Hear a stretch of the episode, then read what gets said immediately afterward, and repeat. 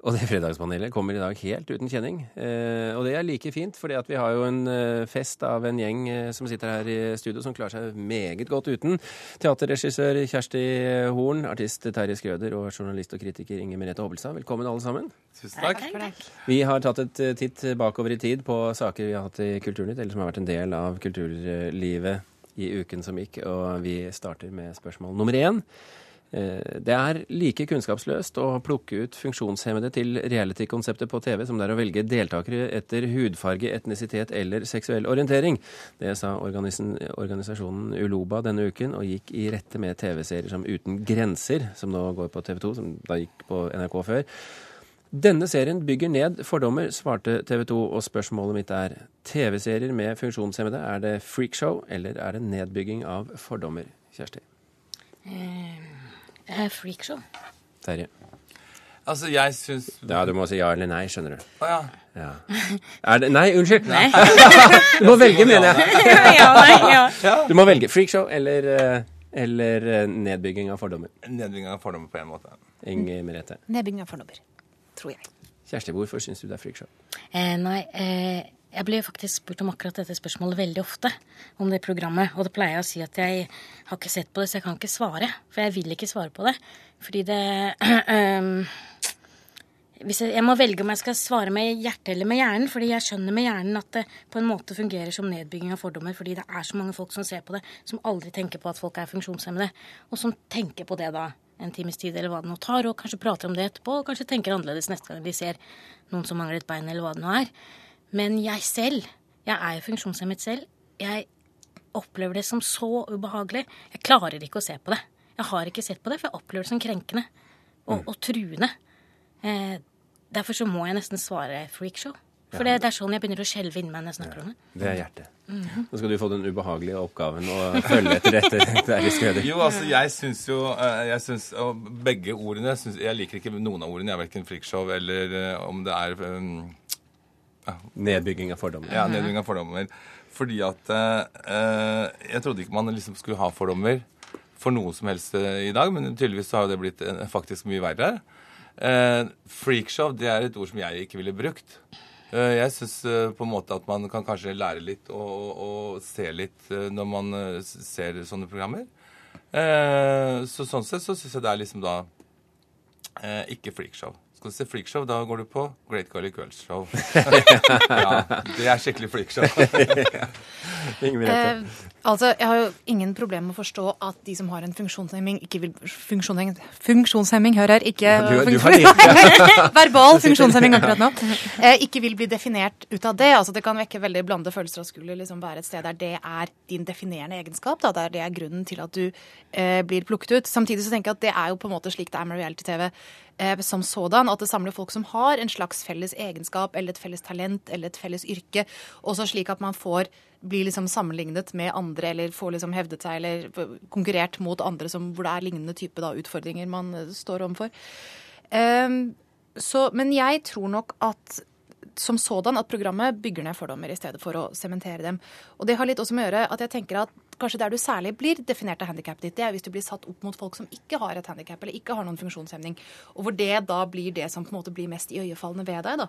Men litt sånn her hvor det blir da en gruppe eller et samfunn av folk som alle har, altså det er vel stort sett fysiske handikap det er snakk om her, eh, så er det jo nettopp en situasjon der det ikke er så iøynefallende, og dermed kanskje at det er deres personlige egenskaper eh, som kanskje trår, trer klare frem. da, At man faktisk virkelig blir kjent med deltakerne som mennesker, og ikke bare som representanter eh, for et handikap. Så paradoksalt nok tenker jeg at det at man er valgt ut for nettopp det, kan være med på å gjøre at eh, du blir langt mer enn ditt handikap, fordi det gjelder alle deltakerne. Og som sådan er det ikke så iøynefallende ved deg som det ville vært i andre sammenhenger. Det er litt vanskelig Kjersti Horn, å forholde seg til dette. For på den ene siden så er det ikke noe vanskelig å skjønne dine argumenter. Samtidig så sier jo disse menneskene som er med på dette her, at dette har vært så stort for dem. Ja, Det er derfor jeg ikke kan aldri kan ikke svare på det spørsmålet. For jeg skjønner det rasjonelt sett.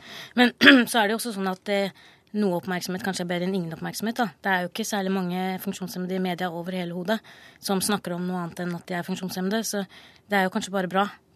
Jeg vet ikke. Og det kan jo hende at det, altså alle folk må jo, Det impliserer jo også at man tror at de ikke har valgt det selv, at de ikke skjønner hva de er med på osv. Som må stadig vekk støte på Ja. når det er snakk om funksjonshemmede i hvilken som helst sammenheng. Jeg har akkurat laget en teaterforestilling Det er en hel gjeng med funksjonshemmede på scenen. Og det er jo det spørsmålet man hele tiden får. Er det ikke et freakshow? Men de har jo valgt det selv og vet hva de er med på. Så vær så god, bli med og klatre til Galdhøpiggen hvis du har lyst til det. Men ja, jeg tenker at det er andre aspekter ved det å være funksjonshemmet som er mer interessant, da. Kan bli med når jeg leverer de tre barna mine på barnehagen og går og handler etterpå. Eh, Det er også en spennende opplevelse, liksom. Selv om jeg ikke sitter i rullestol.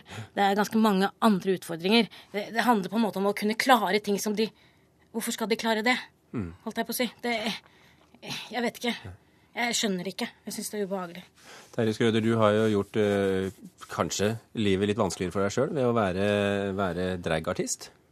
Ja, altså på 80-tallet så gjorde jeg nok kanskje det. det var nok ikke så lett. Men jeg må jo si at eh, i dag så har det jo faktisk vært litt motsatt. Fordi at eh, man har nettopp fått lov til å, å vokse opp med og se hvordan, hvordan folks fordommer har vært. Eh, hvor mye ting man støter på fordi at man gjør noe som er litt annerledes. Og, og den erfaringen der, den syns jeg er litt gøy og, og, og, spennende for å se folks reaksjoner på de forskjellige tingene som har vært. Og det har jo ikke bare vært eh, hyggelige ting. Det har eh, vært mye rart, men det er veldig lærerikt å se ja, hvordan andre folk tenker, da. Vi, eh, vil du ha en kort en? Ja, Selv man- med ditt handikap? Man kan jo se på dette som en sånn antidiskrimineringsordning også, tenker jeg. For dette er jo en menneskerett å bli nedkjørt og grine på TV. Og det er jo på en måte kan man si at det er fint at den retten også eh, da gjelder de som har en funksjonshemming og være på gjennom livet. Vi går uansett videre til neste spørsmål. Da handler det om museer. Ehm, For museene i de store byene de vinner nå kampen om sponsorkronene, mens distriktsmuseene de taper. Eh, Det mener i hvert fall Norges museumsforbund, som frykter at museene nå blir så avhengig av private sponsorer under den nye regjeringen at de eh, risikerer å få et eh, A- og et B-lag i Museums-Norge. Spørsmålet er deler dere denne frykten fra Museumsforbundet? Eh, Terje? Ja, på en måte så kan jeg Nei, jeg, Ja. sorry. Du må si ja. eller- ja, ja, ja. Nei, men så flott, da, du. Ja, Kjersti? Ja, ja. Ja. ja. Her var det unisont. Eh, Skal vi begynne med deg, Terje? Hva er det som gjør at eh, du frykter et A- og B-lag i Museums-Norge? Nei, det blir jo det at eh, de som får mest penger, kan kjøre de beste kunstnerne, kjøre de største utstillingene. Eh, men det skal jo ikke være så vanskelig heller å kanskje få sponsorer på Distrikts-Norge heller. Må kanskje bruke litt mer av de som er på distriktet. Inger Merete?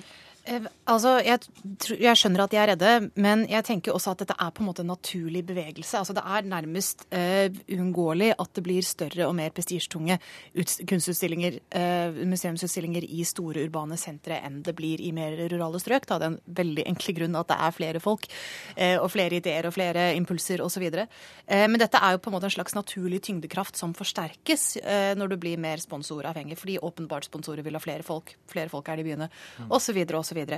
Men altså, dette er jo noe som man kan tenke seg at det offentlige jo kunne gripe inn så smått for å motvirke litt, altså for å passe på å utjevne litt. Og det er vel, vel mindre, snarere mindre enn mer eh, sannsynlig eh, kommer til å skje her nå. Og det er vel også det det er snakk om, at, eh, at det kommer til å bli mer avhengig av velvilje da, fra private aktører som selvfølgelig skal ha noe igjen for investeringen sin, som skal nå frem til noe, eh, enn man har vært tidligere. Eh, Kjersti, du var også den som delte bekymringen her. Er det ikke en, en kraft som, som følger menneskene, og hvis det følger menneskene, er det da i så fall så galt? Nei, men her gjelder jo hele Det gjelder jo ikke bare det her med museet, det gjelder jo hele kulturlivet og, kunsten. At nå skal vi bli mer avhengig av privat kapital. Og det er jo klart at det er mye morsommere å sponse Operaballetten enn å sponse et lite lurvete dansekompani. Og jeg tenker at kunsten skal jo ikke være avhengig av markedskreftene. Det er jo snarere tvert imot. Og det, ja, det, er, Men- det men- kjempefarlig. Men, men det er jo ikke av, fullt og helt av, 100% avhengighet. Det er vel spørsmål om litt avhengighet, er det ikke det? Det er ikke sikkert at det skal være avhengig i det hele tatt. Det skal kanskje ikke ha noe med hverandre å gjøre i det hele tatt. Det tas som en selvfølge at det skal bli en vare. Og det er feil, rett og slett. Terje Skøyder, du har da levd godt på, på holdt på å si private midler. Det er, det er ikke sikkert Ja, at du har fått så mye det? støtte. Det må jeg virkelig se litt mer til, fra. Nei, men jeg tenkte, Du har jo drevet et show som har vært avhengig av dine egne inntekter, Ja. er ikke det sånn? Vi, vi har aldri hatt verken kulturstøtte eller sponsorstøtte eller noen ting. Vi har søkt øh, noen ganger. Eh, når vi jobbet i USA, så øh, hadde vi Da fikk vi sponsorstøtte. Men da jobbet vi selvfølgelig i New York, og det var under, store produksjoner.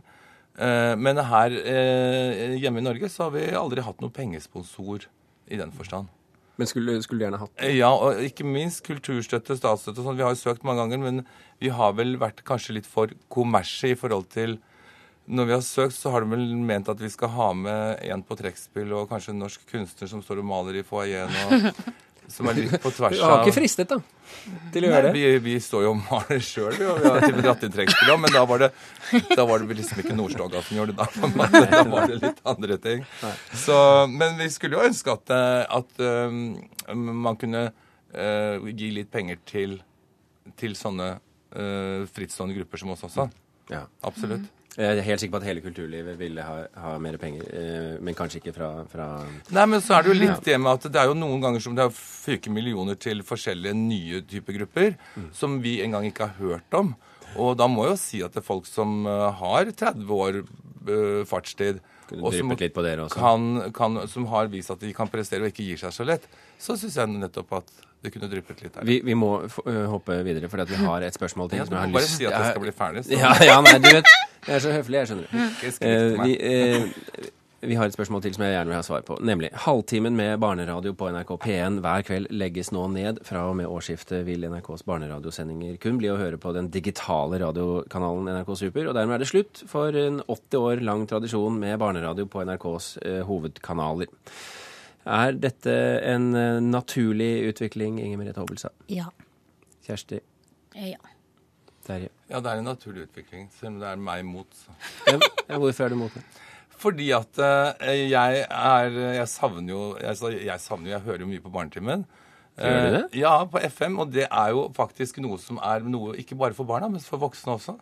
Og jeg tror det at istedenfor at barna må sette seg bort i et hjørne, kanskje få frem PC-en eller nettbrettet og sitte med øreklokker, så er det noe som på en måte ikke har den derre familiegreia som det har vært tidligere. Inger Merete? Eh, Jeg tenker at dette er absolutt uunngåelig. Jeg syns likevel det er litt vemodig, som jeg tror veldig mange syns. For min del så har Barnetimen fått i minste- for det minste hatt eh, nesten ualminnelig stor innflytelse i livet mitt. Det var, eh, Da jeg hørte på hørespillet 'Helter og monstre i himmelhvelvingen' da jeg var syv eller åtte år, så ble jeg frelst på gresk mytologi, og mange år senere så skrev jeg masteroppgave om Iliaden, altså, så det greske ble med derfra. Det barne, første- barneradioen sin skyld, altså. ja, ja. Det første jeg hadde på trykk, var i barnetimeboka eh, da jeg var 14 år gammel. Så det er skylda for at jeg både ble antikviter og skribent, eh, egentlig. Eh, Men dette er jo selvfølgelig tegn, altså en del av en større bevegelse som går på det at vi har helt gått bort fra den, den måten å leve på hvor vi programmerte oss inn på noe samtidig. Altså Hvor man gikk og gledet seg, det var forventninger som bygget seg opp, og så hørte man hørte alle på en episode av noe samtidig, og så måtte man vente en uke til for å få vite hvordan det gikk. ikke sant? Altså det, det er jo helt borte. altså Nå plukker man herfra og derfra og konsumerer når man har tid til det, og velger hva som er best for en selv. Tiden for NRK som felles referanse er eh, forbi, og dette er dette et tegn på. Og Det er litt leit, men det er sånn det er. Kjersti, du er Mm, Jeg er enig i at det er trist, men jeg er veldig konservativ hva gjelder alt som er Jeg syns digitalradio og alt er egentlig imot det, men jeg tenker at det, det blir lettere for barna mine å høre på det. En, Fordi? Jo, for at da kan jo slå på. Da kan vi jo virkelig Da bør vi ikke huske på når det er. Ja, rett og slett. Uh, og det virker jo som om når det har kommet sånne digitalradio, at folk blir enda mer interessert i å høre på radio. Så det er jo positivt. Så Ja. det må ikke være så konservativ. Men du er ikke konservativ. Men du er jo ikke konservativ. Nei da, nei, jeg bare snakker meg selv opp, vet du. Det er den konservative liberale delen som Ja, ja, ja. debatterer inni Ja, hodet ja. Hjernen og hjertet Ja, ja, og ja, ja, konservativ og liberale. Vi har hatt det moro i Kulturnytt og Fredagspanel i dag. Vi er i ferd med å, å runde av. Vi fikk de svarene vi ville ha av dagens fredagspanel.